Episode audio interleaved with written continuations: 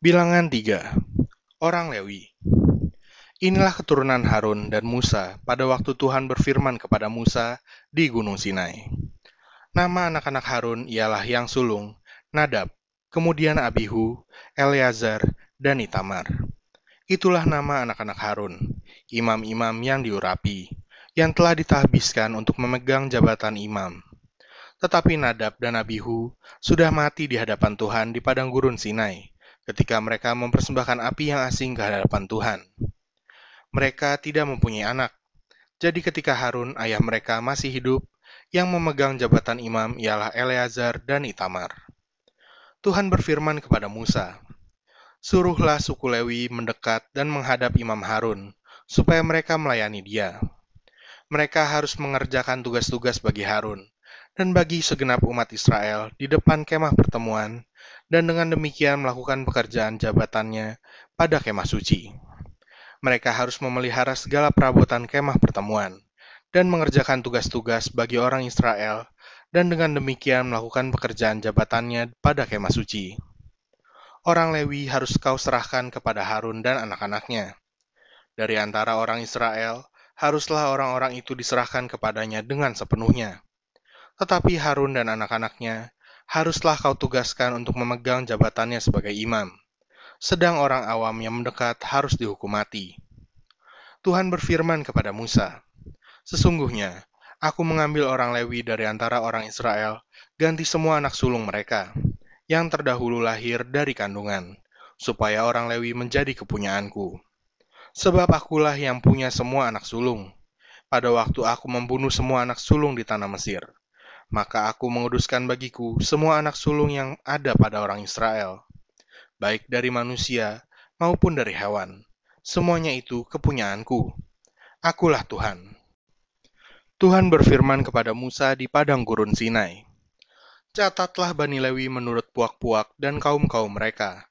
Semua laki-laki yang berumur satu bulan ke atas harus kau catat.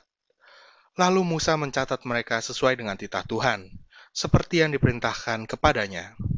Inilah anak-anak Lewi dengan nama mereka, Gerson, Kehat, dan Merari. Inilah nama anak-anak Gerson dan kaum-kaum mereka, Lipni dan Simei. Anak-anak Kehat dan kaum-kaum mereka ialah Amram, Yizar, Hebron, dan Uziel. Anak-anak Merari dan kaum-kaum mereka ialah Mahli dan Musi. Inilah kaum-kaum orang Lewi yang ada dalam puak-puak mereka Puak Gerson terdiri dari kaum Lipni dan kaum Simei. Itulah kaum-kaum Gerson. Jumlah pencatatan mereka ketika semua laki-laki yang berumur satu bulan ke atas dicatat ada 7.500 orang.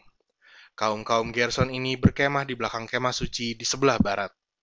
Pemimpin Puak Gerson ialah Eliasaf bin Lael. Yang harus dipelihara oleh Bani Gerson dalam kemah pertemuan ialah kemah suci dan kemah dengan tudungnya tirai pintu kemah pertemuan, layar pelataran, dan tirai pintu pelataran yang ada sekeliling kemah suci, dan mesbah, dan talinya, termasuk segala pekerjaan yang berhubungan dengan semuanya itu. Puak Kehat terdiri dari kaum Amram, kaum Yizar, kaum Hebron, dan kaum Uziel. Itulah kaum-kaum Kehat. Jumlah pencatatan mereka ketika semua laki-laki yang berumur satu bulan ke atas dicatat ada 8.600 orang, yakni mereka yang memelihara barang-barang kudus. Kaum-kaum Bani Kehat ini berkemah pada sisi kemah suci sebelah selatan. Pemimpin Puak Kehat dan kaum-kaumnya ialah Elisafan bin Uziel. Yang harus dipelihara mereka ialah tabut, meja, kandil, mesbah-mesbah, perkakas tempat kudus yang dipakai untuk menyelenggarakan ibadah, juga tirai, termasuk segala pekerjaan yang berhubungan dengan semuanya itu. Adapun pemimpin tertinggi orang Lewi ialah Eleazar, anak Imam Harun, yang mengawasi mereka yang memelihara barang-barang kudus. Puak Merari terdiri dari kaum Mahli dan kaum Musi. Itulah kaum-kaum Merari. Jumlah pencatatan mereka ketika semua laki-laki yang berumur satu bulan ke atas dicatat ada 6.200 orang. Pemimpin Puak Merari dan kaum-kaumnya ialah Zuriel bin Abihail mereka berkemah pada sisi kemah suci sebelah utara.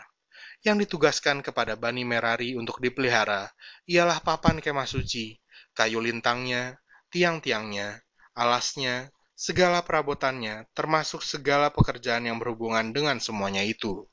Juga tiang pelataran sekelilingnya, alas, patok, dan talinya. Yang berkemah di depan kemah suci di sebelah timur, di depan kemah pertemuan ialah Musa dan Harun, serta anak-anaknya, yang mengerjakan tugas pemeliharaan tempat kudus bagi orang Israel.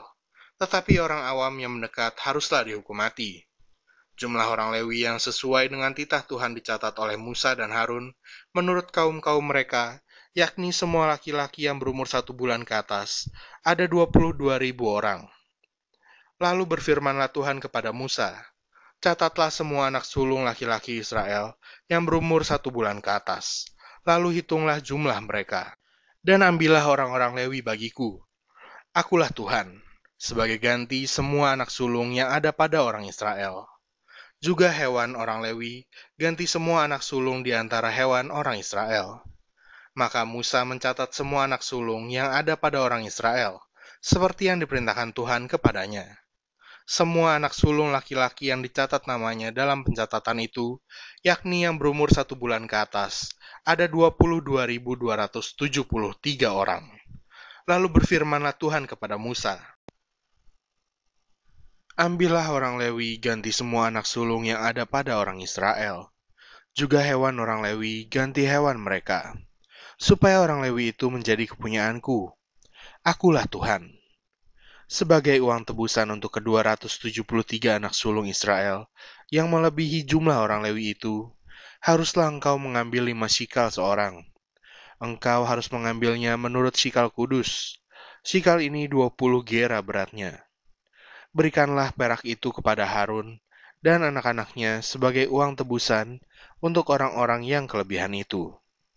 Lalu Musa mengambil uang tebusan untuk orang-orang yang melebihi jumlah mereka yang telah ditebus oleh orang Lewi itu. Daripada anak-anak sulung Israel, diambilnya perak itu, 1365 shikal, ditimbang menurut shikal kudus. Maka Musa memberikan uang tebusan itu kepada Harun dan anak-anaknya sesuai dengan titah Tuhan, seperti yang diperintahkan Tuhan kepada Musa.